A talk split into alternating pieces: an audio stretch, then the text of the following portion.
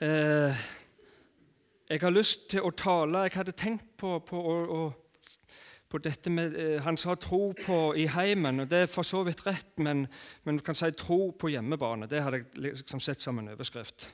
Og når jeg da fikk se hva dere tenker på eh, Jeg fikk en mail på hva dere planlegger utover våren, gjerne å få begynne å gå ut litt. og sånn, Da tenkte jeg det, var, det må være tingen.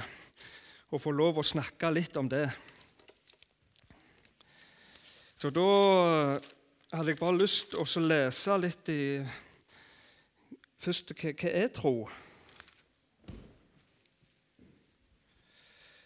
Det står i Hebreerne 11,1 at men tro er full visshet om det en håper, overbevisning om ting en ikke ser. Det er tro. Og så tenkte jeg hvordan, hvordan kommer vi til tro? Hvordan kan vi begynne å tro? Og da står det òg i, i Romerne 10, 17 Det er kjente vers, dette her, så jeg bare siterer de for dere. Så kommer da troen av forkynnelsen, som en hører, og forkynnelsen som en hører, kommer ved Kristi ord. Så hvis du har Bibelen med deg nå, så skal vi slå opp et skriftsted til. Romerne 3. Romerbrevet 3, 21. Der står det òg noe flott om, om tro. Men nå er Guds rettferdighet, som loven og profetene vitner om, blitt åpenbart uten loven. Det er Guds rettferdighet ved tro på Jesus Kristus, til alle og over alle som tror, for det er ingen forskjell. Alle har syndet og står ute nære for Gud, og de blir rettferdiggjort uforskyldt av Hans nåde ved forløsningen i Kristus Jesus. Og altså, det er tro, kunnskapen Hvordan kan du begynne å tro? Der står det at tro det kan kun bli åpenbart for oss kun åpenbart. Sånn at, eh, at det er ikke noe du kan Du kan ikke lese deg opp i, i tro. Vet, vi, vi, studerer, vi kan studere, og du kan høre folk lese seg opp i matematikk og historie og samfunnsfag osv., men du kan, ikke, du kan ikke lese deg opp i tro. Tro er, det er kun Den hellige ånd som kan åpenbare ordet for oss. Derfor, når du har tatt imot Jesus, så får du òg Den hellige ånd. Og Den hellige ånd, han er det som gir oss tro. Og det er, syns jeg er fantastisk. For det, er at det er mange typer kunnskap. Eh, du kan lese vitenskapelig og fornuftigsmessig, og du kan studere. Men han, David Yongishu, har dere hørt om han? I uh, Sør-Korea har eh, det starta en menighet i Sør-Korea, men nå er det over en million.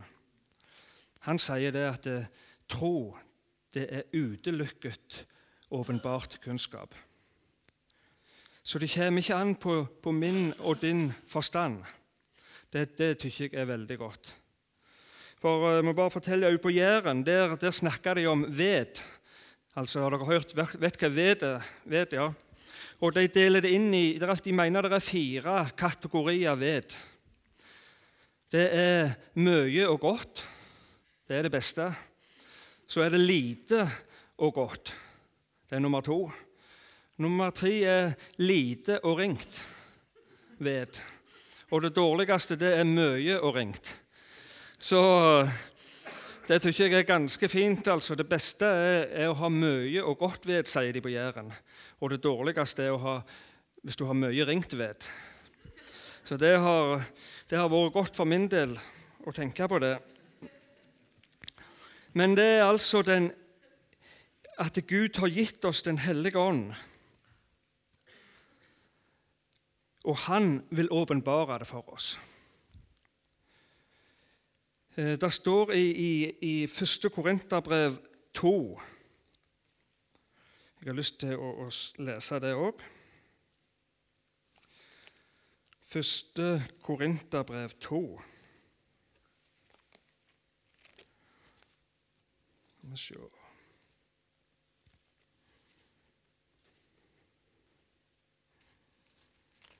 har sånne fine tråder her. 1. Korinterbrev 2, 9. Men som det står skrevet, som in, det som intet øye har sett og intet øre har hørt, og det som ikke omkom, oppkom i noe menneskes hjerte, det har Gud beredt for dem som elsker ham. Men for oss har Gud åpenbart det ved sin ånd. For Ånden utforsker alle ting, også dybdene i Gud. For hvem blant mennesker vet hva som bor i et menneske uten menneskets eget, egen ånd som er i ham? Slik vet heller ikke noen hva som bor i Gud uten Guds ånd. Men vi har ikke fått verdens ånd, men den ånd som er fra Gud, for at vi skal kjenne det som, Gud, det som Gud i sin nåde har gitt oss. Det er fantastisk. Og jeg har tenkt på det Det er en, det er en utvikling i Bibelen. Et fint ord hvis du sier det er en progresjon. Jeg tror det kan jeg si til dere, at jeg tror på hele Guds ord, sånn det står. Ifra side første Mosebok til Johannes' åpenbaring. Jeg tror på Guds ord. Men jeg har også sett det er en utvikling ifra Mosebøkene og loven og jobb, og, og det er masse flotte salmer. Og så kom Jesus i Det nye testamentet, ikke sant? Og, og han fullendte, fullbyrde det. Men så står det òg at, at uh, Paulus fikk i oppdrag av Gud å fullføre ordet. Så du ser det er, er noe fantastisk der. Og jeg har tenkt på det med og sagt i forskjellige sammenhenger at det, for min del har jeg sagt at det, det beste som hendte meg, det var når jeg traff Helga. Helga det er kona mi. Det var det beste som har hendt meg. Og det aller beste det skjedde i 1974, da jeg fikk ta imot Jesus. Og det aller, aller, aller beste, eller som de sier i barnehagen det tusen million beste som har hendt meg, det var da jeg fikk se det at Jesus og Den hellige ånd bor inni meg. Altså Du ser den utviklingen. Når jeg fikk oppleve det, at han bor i meg, sånn som det står i, i, i, nei, i eh, Kolosserbrevet. Første Kolosserbrev 26. Jeg må bare ta med det òg. Det, det, er helt fantastisk når du får oppdage det. Første Kolosserbrev 1, 26. Denne hemmeligheten har vært skjult fra evighet av og gjennom alle slekter. Nå er den blitt åpenbart for alle hans hellige. Altså, det, var noe, det var en, Bibelen taler om en hemmelighet som ikke kom fram i Jobbs bok eller i salmene, men nå blir han åpenbart. Så står det videre.: For dem ville Gud kunngjøre hvor rik på herlighet denne hemmelighet er blant hedningefolkene. Det er Kristus i dere, håpet om herligheten. Det syns jeg er fantastisk. Det syns jeg er helt Da kjente jeg i, for min del at det er det aller beste. Jeg har Den hellige ånd inni meg. Og da har jeg alle muligheter. Da kjenner jeg jeg har et fantastisk godt, en god heiagjeng på innsida.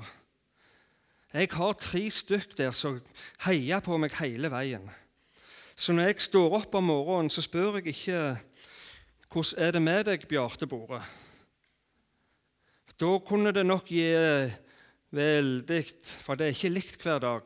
Det vet ikke hvordan dere har dere, om dere alltid er på høyden. Er dere det? Alltid på topp? Eller kjenner du at av og til så er det litt, butter det litt imot? Men jeg bare sier takk, Jesus, at du er inni meg. Og da kan jeg gjøre alt. Da kan jeg formå, og formår å gjøre alle ting. Du vet, Åge Samuelsen han, han har dere hørt om. Og Det kan sies mye om Åge Samuelsen. Det jeg kan si er at Han har skrevet noen fantastiske sanger. Og 'Jesus, du som fyller alt i alle', og, og mange ting. Men han, han, eh, han ble syk en dag, forteller han. Og så hadde han lest i Bibelen at, eh, at han skulle be troens bønn, eller at han måtte få noen til å be den. Så tenkte han er det noen som har så mye tro at de kan be for meg. Nei, så kom han ikke på noen. Så bare la han hånda på seg sjøl. og, så, og så sa han, 'Kjære Gud, helbred denne mannen her.' Og så ble jeg frisk, sier han. Og det det er fantastisk. Vi har, vi har den, og Edin, Edin Løvaas han, eh, Det er en vis mann. Så jeg, Har dere hørt om han? Ja, det er fantastisk. Vi, vi kjenner litt av de samme folka. Og han var 75 år og talte på en barne- og ungdomsarbeiderkonferanse. Og Da sa han det, en ting jeg glemmer aldri. Han sa det at når jeg var 40-50 år, så visste jeg det meste, trodde jeg. Men nå, når jeg er 75, så er jeg litt mer, litt mer spørrende om hvordan ting fungerer. Det er litt visdom i det. ikke sant? Du og meg, iallfall jeg, kan være bestemte ja, sånn er det, ferdig med det. Og gjerne vi i 40-50-årsalderen. Men han sa, sånn hadde han òg vært, sa han. Men, eh, men når han ble 75, så modnes det fram noe i han. Og når jeg satt og, og, og leste og, og, studerte om tro, så tenkte jeg, så sier jeg til Gud at eh, for den ene bibelverset kom etter det andre, og Bibelen er jo full av tro undervisning. og Dere har hørt mye, så sier jeg til, til Den hellige ånd jeg sier, dette ble mye bibelvers. Ja, så sier han da kan du ikke bare fortelle litt om, om, om livet, det som du har opplevd. Vitne litt om det. Så det har jeg lyst til å gjøre hvis dere syns det er greit. For da har jeg tenkt tro på hjemmebane. Hvor er min og din hjemmebane? Er det, er det når jeg eh, står nede i Thailand og skal vitne for masse unger på barnehjemmet? Er det jeg på hjemmebane nå, når jeg er i lag med dere her? Eller er det når jeg er hjemme i barnehagen eller hjemme i huset og helt for meg sjøl? Er det da jeg er på hjemmebane? Jeg skal si deg en ting. Det er òg en av de store oppdagelsene at jeg er alltid på hjemmebane. Og det er jo en kjempefordel. Bare tenk på nå hvordan vi er klar når vi er en liten uke i Oslo. ikke sant? Hvor mange gull har vi tenkt på? ikke sant? For at det er jo en enorm fordel å få være på hjemmebane. Hos VM i Oslo da skal vi gjøre rent bord, etter som jeg har forstått. Ja, så det med hjemmebane det er ikke noe minus. Men jeg, eh, jeg har levd så lenge at jeg vil si la meg, la meg nå gå noen løp først. Så skal vi være med og heie på de norske, og, og det skal vi. Men, men det, sikkert, det kan òg være andre som vil vinne. Nå får vi se. Men hjemmebanen, troen, det er, den har jeg i meg. Så om jeg er i Thailand, eller om jeg er her eller en annen plass, så kjenner jeg alltid på hjemmebane. For jeg har, og det har du òg, vi leste at Kristus i oss, håp om herligheten, han bor i oss. Da, da er vi på, på, på vinnerlaget, som vi synger. Ja Hvor skal jeg begynne? Jeg får begynne med å si at jeg, jeg er en barnearbeider. Det hadde jeg ikke tenkt å bli. Jeg var talt ut nokså sterkt i ungdommen. Og etter jeg hadde tatt imot Jesus, òg at det med unger og syke det var ikke min, min, min ting. Det, ikke, det, det, fikk andre ta seg av. Jeg, jeg, så at jeg ville gjøre noe annet. Like til en dag i jeg det var begynnelsen på 90-tallet jeg leser i Stavanger Aftenblad om ei ulykke på Sørlandet. Det var to jenter som hadde drukna, vært ute med faren ute, og de drukna i sjøen. Og så De som levde igjen da, de, de var så takknemlige for at disse jentene hadde fått gått på søndagsskolen og at det var noen som jobba med å, å, spre Guds ord blant ungene. Og så sto jeg ut på gulrotstykket der en, en høstdag jeg husa det veldig godt, og takket for, for alle barnearbeiderne. Og plutselig så kom det bare en stemme, ikke ovenfra, men innenfra, tror jeg, som sier at du òg kan få være med. Du òg kan være en barnearbeider. Ja, det skulle tatt seg ut, tenkte jeg. Og, men det hadde skjedd noe inni meg, så det gikk ikke mange dagene før de ringte fra den menigheten vi gikk i. Det var de Frie Venner i Verdalen, Ebenezer i Verdalen. Så ringte og sa at de hadde tenkt å spørre meg om å være med i junioren. Så det var starten. På, nå har jeg fått vår lov å være med i 18 år, og jeg kjenner at jeg aldri har vært mer i gassen enn nå har virkelig tro på. Og jeg vil oppmuntre dere også som står i, i barne- og ungdomsarbeid og i hva arbeid dere står i, at det, dere er på vinnerlaget. Dere har alle muligheter.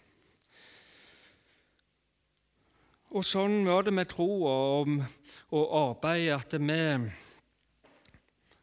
vi var samla en gang, lederne i junioren, og, og var bekymra for uh, vi så guttene forsvant junioren 10, 12, 11, 12 år de, de, bare forsvant for oss. og Vi tenkte vi må, vi, vi, vi må gå i bønn. Må, hva skal vi finne på for å, å aktivisere guttene? Og En dag jeg gikk hjemme på, på låven, vi hadde akkurat utvida låven i de tider, gikk jeg oppå, oppå der, og så, så sier bare Gud at her kan du bygge en klatrevegg. Og sånn, det, det, er noe fantastisk når, når, det er Gud som taler. Vi hadde bedt om å, at vi skulle få ideer. 'Her kan du bygge en klatrevegg', sier han. Så gikk jeg inn til Helga og sier jeg, 'Jeg tror vi skal bygge en klatrevegg'. 'Ja, det gjør vi', sier hun. Og så gikk, gikk, traff jeg en av de andre lederne på junioren, så sier jeg, 'Jeg tror vi skal bygge en klatrevegg'. 'Ja, det er klart', sier hun. Det er klart en klatrevegg vi skal bygge. Og sånn gikk det. Vi tok kontakt med menigheten, vi tok kontakt med kommunen. Og alle mente det var det helt rette å bygge en klatrevegg. Så da var vi 65 juniorer før dette begynte. Det var jo et fantastisk arbeid vi fikk lov å stå i. Og alle var med ungene våre og menigheten og eldre folk i menigheten kom med Men de, noen praktiserte det der. og Ei som sa til meg at du, den høyre hånda skal ikke vite hva den venstre gjør, gjør sånn, så hun kom og ga penger til klatreveggen, eller trampolineveggen, som noen kalte det, av de eldre. Men alle hadde tro på dette. Men så var det jo noen da det, Sånn er det jo at noen tenkte at det var det, ble ikke det for mye hjemme hos Helga og Bjarte osv. Og, og sånn og sånn. Men da var det allerede bestemt. Veggen var på vei opp. Og før det var ferdig, så hadde det økt fra 65 til 96 unger. Så når ordføreren i Klepp var og åpna Sakkeus klatrevegg, da var det mest 100 unger bare før vi hadde kommet i gang. Og det var, Jeg fikk lov å være parkeringsvakt. Det, ikke, liksom, det har aldri vært sånn en trafikkaos på Voll. Bilene for alle, de, i, de fleste kom fra Verdalen, ikke sant? området rundt. Så kom de i biler. Så det sto en kø langt oppe veien. Og Jeg måtte bare liksom få dem inn og ut av Tone Lind. Hun vet hvordan det er. Det var før rundkjøringen. Tone Lind. Men for en opplevelse. Og for bare for det at du våger Det har ingenting med meg å gjøre. Eh, jeg må si at Når jeg vitner nå om, om, min tro og det som har skjedd, så, så, har det ikke noe med meg å gjøre, men det har med Gud å gjøre. Han skal ha lære. Men du ser, når du våger å ta et steg i tro, så er alt mulig. Alt er mulig. Og i ettertid så, så har jeg, så har jeg eh, møtt mange juniorer. Nettopp nå før jul var det ei fin, fin dame var det, som vinkte veldig til meg. Jeg kaller henne Janne. Å ja, tenk, der kjente jeg henne igjen. Det var ei som hadde gått på junioren. Og så tenkte jeg Hvorfor vinkte hun til meg? Var det fordi at eh, jeg var der trufaste på junioren? Kanskje. Var det fordi jeg hadde hatt så enormt mange gode andakter? Kanskje det òg, for jeg hadde, har hatt mange gode andakter på junioren. Men jeg tror kanskje det var fordi jeg, jeg sa til henne at eh, Du, Janne, sier jeg, det er fantastisk så flink du er hånd, i håndball. Det er noe med det, ikke sant? Jeg tror at det var noe av det som gjorde at hun kjente at hun tydde at jeg var så kjekk at jeg hadde oppmuntra henne. Hun hadde fått Guds ord, men jeg hadde også oppmuntret henne på det som hun var flink til. Så Der tror jeg det også det kan være en hemmelighet med de vi omgås. ikke sant? Guds ord er viktig, det er jo det viktigste, men òg å, å, være interessert i hva det de vi omgås, er interessert i. Oppmuntre dem på det. Så talte Gud en, en dag om å Jeg sier det bare rett ut. Han sier bygg en plass til bruskasseklatring. Lag en ute i berget der som vi bor. Det er et nokså høyt berg. Lag en plass til å klatre på bruskasse. Og Der har det vært min jobb å stå og sikre. Og det er det kjekkeste jeg vet. Jeg har stått der nokså mange timer og sikra der. For det, du, du, har dere vet hva bruskasseklatring er? Ja. Oppå med en kasse og sånn. Det, der kan de klatre ti meter høyt. Så en dag, og der, der, der kommer der, eh, Vi bruker det jo i barnearbeid, og, en skole, og kommer ut og klatrer. Og En dag kom der en klasse. Eh, kom en gutt bort. Jeg kan kalle han Olav. Så kommer han bort og står der og sier jeg, 'Har du tenkt å klatre?' Ja, han hadde det. Ja, hvor høyt, hvor høyt har du tenkt deg? sier jeg. Ja, han hadde tenkt seg høyt. Så klatrer Olav oppover. Så klatrer han helt til topps. Og så vinner han hele kvelden. Så kan du se for deg Olav på toppen der. Foreldrene eh, til ungene klappa, og elevene heia på Olav. Ikke visste jeg at Olav hadde store problemer på skolen. Lese- og skrivevansker. Men der får han lov å sitte på toppen av bruskassen. blir folk jubler for den opplevelsen for meg òg, å få være med på det, det er nok.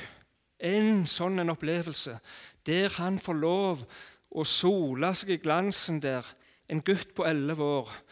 Neste år kom samme klassen tilbake. Der kommer Olav. Ja, sier han, du husker meg? sier han, og Da hadde han med seg hele familien. Og rett skal være rett, at det gikk ikke fullt så godt den gangen. Men, men, ser du noe av det bildet, når du får bare får lov å være på hjemmebane, får lov å leve i lag med de du lever, og handle på, på det som Gud taler om, så får du oppleve at noen får noen opplevelser som vi aldri kommer til å glemme.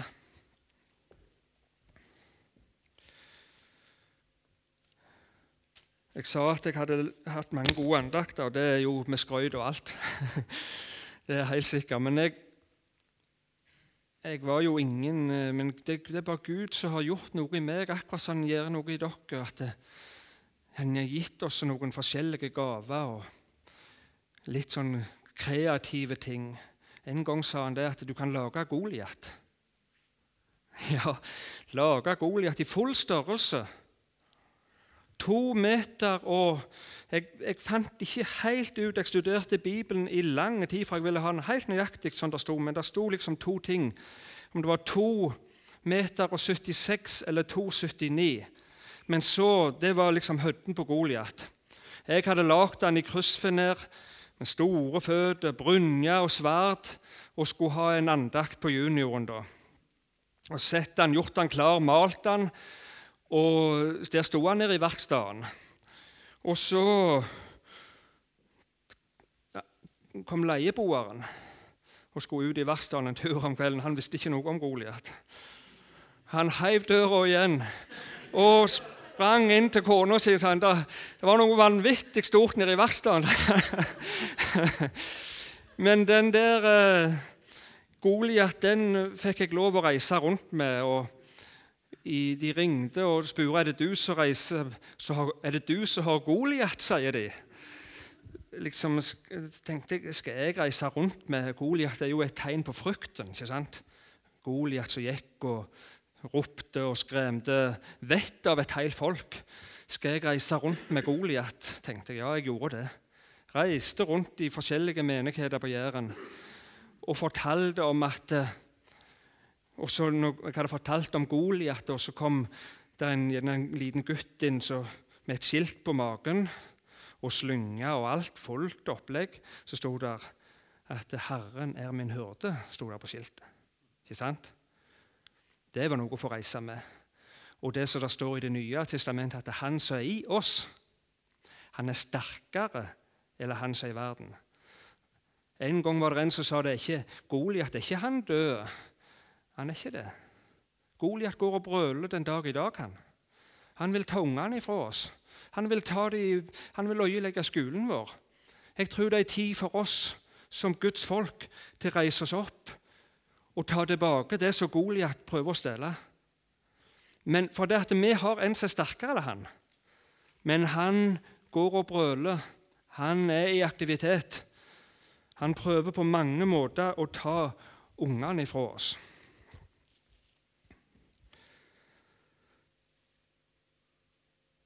Sånn så det, det, så det, begynte, og sånn jeg tenkte på når dere nå òg skal Dere har lyst til å, å, gå ut i Sandnes og vinne nye, bli kjent med nye. Så det er òg det mandatet som jeg har. Jeg har òg det i hjertet at jeg vil gi dem Guds ord. Men når jeg står opp om morgenen, så tenker jeg i dag får jeg gå ut å bygge vennskap. Bli snakka med unger i barnehagen. Det er det kjekkeste jeg vet. Snakke med foreldre, snakke med de ansatte. Snakke med de jeg treffer. Bygge vennskap. Og Det tror jeg at dere òg kan få lov å starte med. Å gå ut i Sandnes eller der dere bor, og, og bygge relasjoner. Og Da må du gjerne ta et steg. Det første steget som jeg virkelig kjente når jeg i det arbeidet, det var den, en lørdag midt i Siloslåtten. Nå snakka jeg om Siloslott akkurat som jeg skulle vært på, på Kleppe eller på Bryne, men jeg regner med dere vet hva Siloslott er. ikke sant? Ja, det vet dere godt. Kan du tenke deg, midt i Siloslåtten, før middag, så reiste jeg med traktor og tilhenger et par kilometer og henta 34 juniorer oppå tilhengeren. Så kjørte vi ut, og så overnatta vi i berget. Og... Men der måtte jeg bryte noe for min del. Og de folk, Naboene de kikket kolossalt. De fòrhosta jo og nytta det gode været. Men der måtte jeg bryte noe i, i den tradisjonen med å reise av gårde, sette av fòrhosteren for å gjøre noe annet. Sånn er det av og til. Sånn må du gjerne ta noen steg. Viktige steg kan det være, der du våger å gjøre ting annerledes. Og du vet at det, det, det er sånn at uh, det er ikke alltid at du Det er alltid kommer noen sånn innspill òg. Var dette lurt? Sånn var det med den klatreveggen òg som jeg snakket om. Der kom jo naboer der som de var helt overgitt. har du tatt det beste rommet til barnearbeid. Her kunne du hatt det ene og det andre. Men jeg treger aldri en dag. Hundrevis, tusenvis av unger, ikke bare fra sånne heimer som dere representerer, men har fått komme der og vært og klatre, og så er det fullt opp på veggene at det, eh, var noen unge jenter da, som ble sluppet helt fri til å dekorere med skriftsted. Så når du henger der i, på det vanskeligste, så står det at uh, 'han gir den trette kraft', osv. Ikke sant? Og det har folk fått sett, og jeg har tro på Guds ord. Der står det at det vender ikke tungt tilbake. Så der har de vært og klatra fra idrettslag og mange, også fått, bare fått, fått inn Guds ord. Jeg har lyst bare til å fortelle lite grann om om uh, jeg, nevnte jo det at jeg hadde vært i Thailand på et barnehjem. Eller jeg nevnte det iallfall at jeg var i Thailand. For vi, får lov å være med og støtte noen barnehjem der. Og barnehagen som jeg eier og er en del av, også med å støtte barn i, i eh, Thailand. Og Der var vi nettopp nå i januar og besøkte to barnehjem. Det ene der Tytte vi det var veldig greit. En veldig god leder. og Hun var med oss, og vi bare fikk lov å kjøpe sko og, og det, de, det, som hun mente de trengte. Og så var vi på en annen plass, helt nord i grensa til Burma. Der var det 68 unger. Det var to soverom. Alle guttene, mest 40 gutter, lå på ett rom fra tre år til 17 år. Ser du for deg det? Og samme med jentene. Og Vi hadde vært der en gang før, for fire år siden, og besøkt dem. Og vi kjente virkelig nød fra det barnehjemmet. Og vi hadde med, vi hadde med sko, vi hadde med frukt, vi hadde med kjøtt. Hadde dere med frukt, sier du? Ja, vi hadde med to mandariner hver og, to, og hvert sitt eple. Faktisk så kunne de ikke huske mange av dem at de hadde hatt frukt. Og de minste ungene de, de kunne ikke skrelle en mandarin. Og de var, Det var så strengt på det barnehjemmet. For, og, men jeg, jeg, kritiserer ikke ledelsen. De gjør en kjempejobb. De har 20 unger i tillegg buende hjemme. 20 sengevedere prøver de å ta ut, så det ikke skal være så store konflikter på disse rommene. Men det, de, det er så strengt at det var ikke en unge som tok mandarina før lederen sa at nå kan dere ete. Ser du for deg? De så mest 70 unger der. Mandarinene lå, og vi måtte hjelpe mange av dem å skrelle. Der var det enorme behov. Og når vi reiste hjem, da, det var det jeg ville fortelle om òg Fire fra Norge. Så diskuterte vi hvordan det skulle være. Vi så på feil, og vi så på utfordringene, og vi fant ingen gode løsninger. Så kom vi tilbake til der vi bodde, og så var det ei og diskuterte og diskuterte. Og så var det ei som sier at jeg tror vi må bare skal be litt. Det er noe fantastisk når du kan komme deg ut med ting. Så fikk vi bare be, da. Og så viste han muligheter. Det er sånn Gud er. Han, han viste oss blomster. Vi så badebasseng det er ikke en unge av de 70 som har bada i sjøen noen gang. Og han viste oss muligheter der. Og Sånn er det. Du ser, du og meg.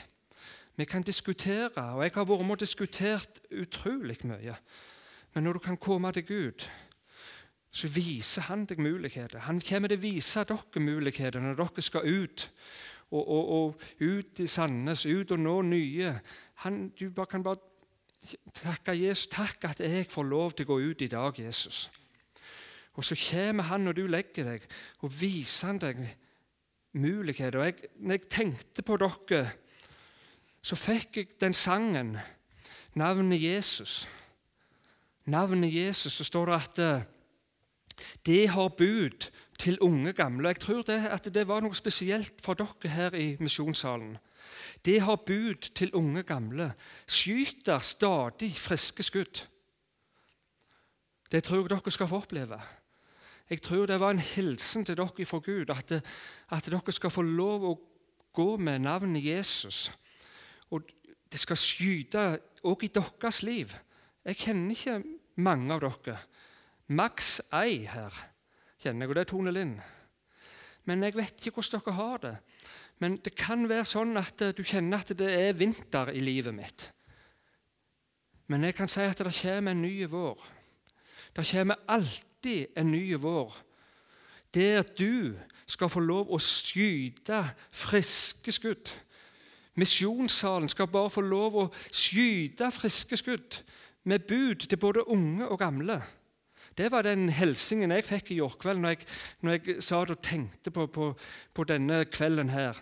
At det skal jeg få si til dere, at her er det muligheter. Dere, i deres eget liv, skal dere få en ny vår.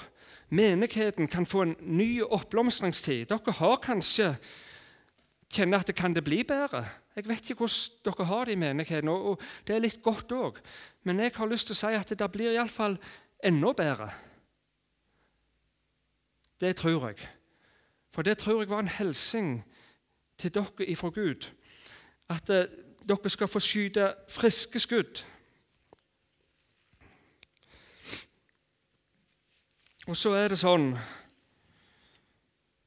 med dette med å få lov å snakke til hverandre Dere, dere som sitter her nå, dere bestemmer jo om dere vil ta imot og tenke på det som dere hører. Vi kan bruke det ordet at å, å ha talerett. Det er ingen selvfølge at, at dere gir meg talerett inn i deres liv. Det bestemmer vi sjøl. Og jeg kan ikke kreve det.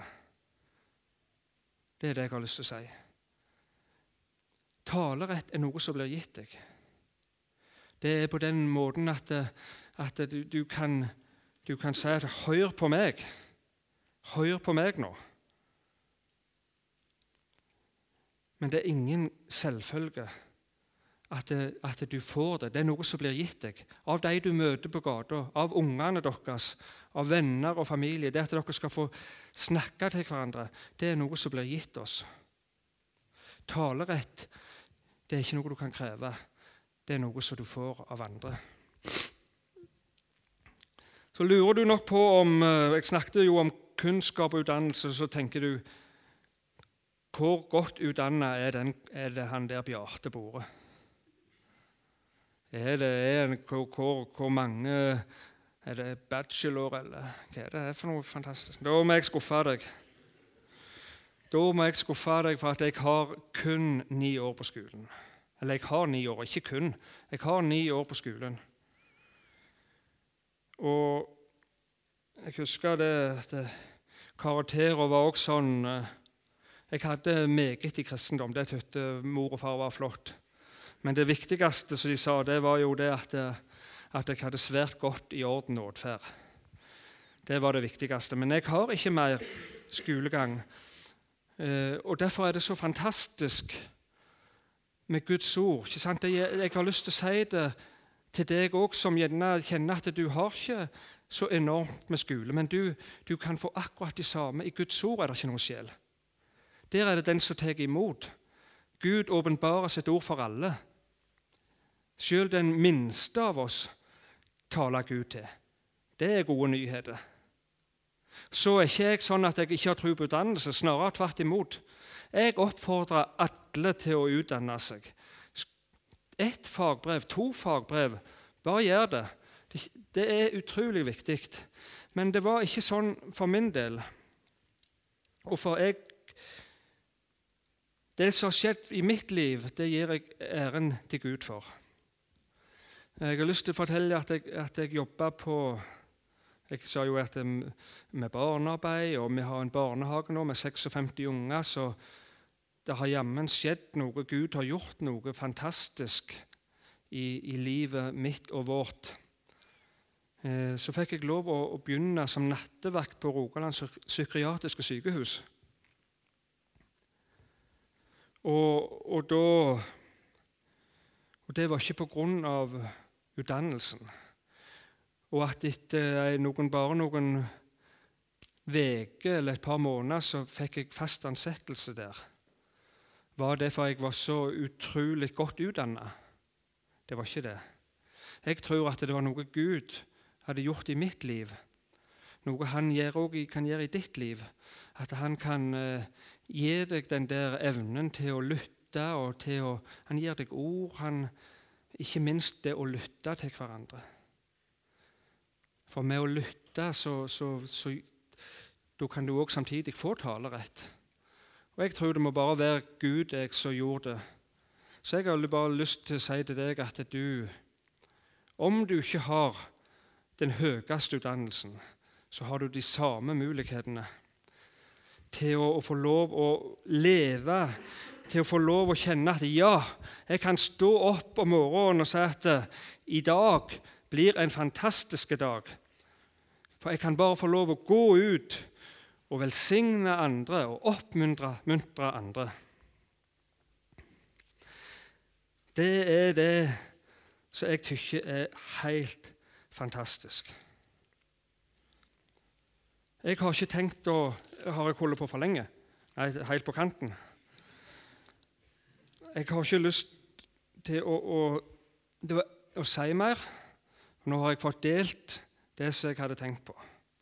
Jeg hadde bare lyst til å oppmuntre dere på at du kan, du kan få lov å gå ut i morgen med stor frimodighet og vite det at eh, han bor i meg, så kjenner jeg, så, så kjenner jeg en enorm lengsel etter enda mer. Enda mer trenger jeg av Den hellige ånd.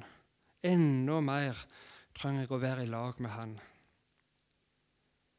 Jeg, jeg tror det for min del og for menighetene sin del i området så tror jeg at vi trenger å bli helt avhengige av hva? Av Den hellige ånd.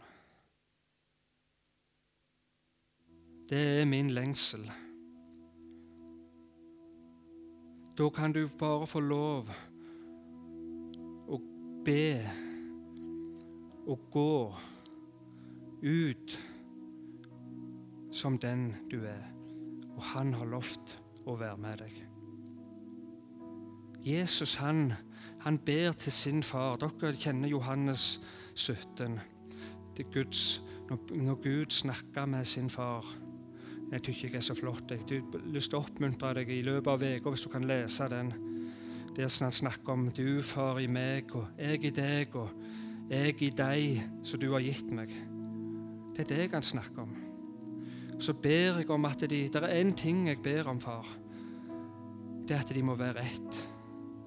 Sånn som du og meg er ett. Og Derfor er det ikke det viktigste om vi diskuterer. Det er sjelden. Det er godt å snakke om ting. Men diskusjon, hard diskusjon, er aldri løsningen. Men jeg oppmuntrer deg. Bare be til Gud.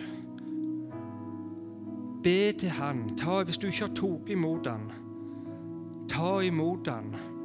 Hvis du kjenner det at du, du trenger å bli fornya, så kan du det òg. Det skjedde i mitt liv. Jeg hadde vært, vært frelst i mest 20 år. Hadde fått små unger, og det dabba av. Vi begynte å komme der hen at vi, Helga og meg, at vi, vi, begynte å diskutere litt. Skal vi gå på møte, eller skal vi, skal vi gjøre noe annet? Og ble mer og mer hjemme. Like at en dag Helga sier det at er det sånn vi vil ha det? Nei, så var det ikke sånn vi ville ha det. Så opplevde vi i begynnelsen på 90-tallet igjen at det, Jesus kom igjen inn og tente oss i brann for Han. bare med å Var det noe vanvittige greier? Det var ikke det. Det var bare med å ta imot lovsang, bli fulgt av Han. Og når jeg sier det deg, så må ikke du bli skuffa hvis du har tenkt på noen kolossale med stevne og reise osv. Men, men jeg tror ikke det er nøkkelen for oss i dag å reise verden rundt for å catch the fire. For jeg tror at du har the fire inside. Forstår du? Jeg sier ingenting negativt om, om, om stevner og, og, samling. Jeg syns det er fantastisk å komme i lag med Guds folk. Men det er ikke det som er din redning. Din redning er når du kommer hjem i kveld. Om du åpner deg for Han, eller i kvelds her, under nattverden eller i forbønn, så sier Jesus jeg trenger mer av deg. Jeg vil ta imot mer. Jeg vil lytte og høre din stemme i mitt liv. så er han i deg. Og han vil svare deg. Han vil tenne deg i brann igjen. Han vil sette sevje i greinene, sånn at det skyter ut nye skudd. Kanskje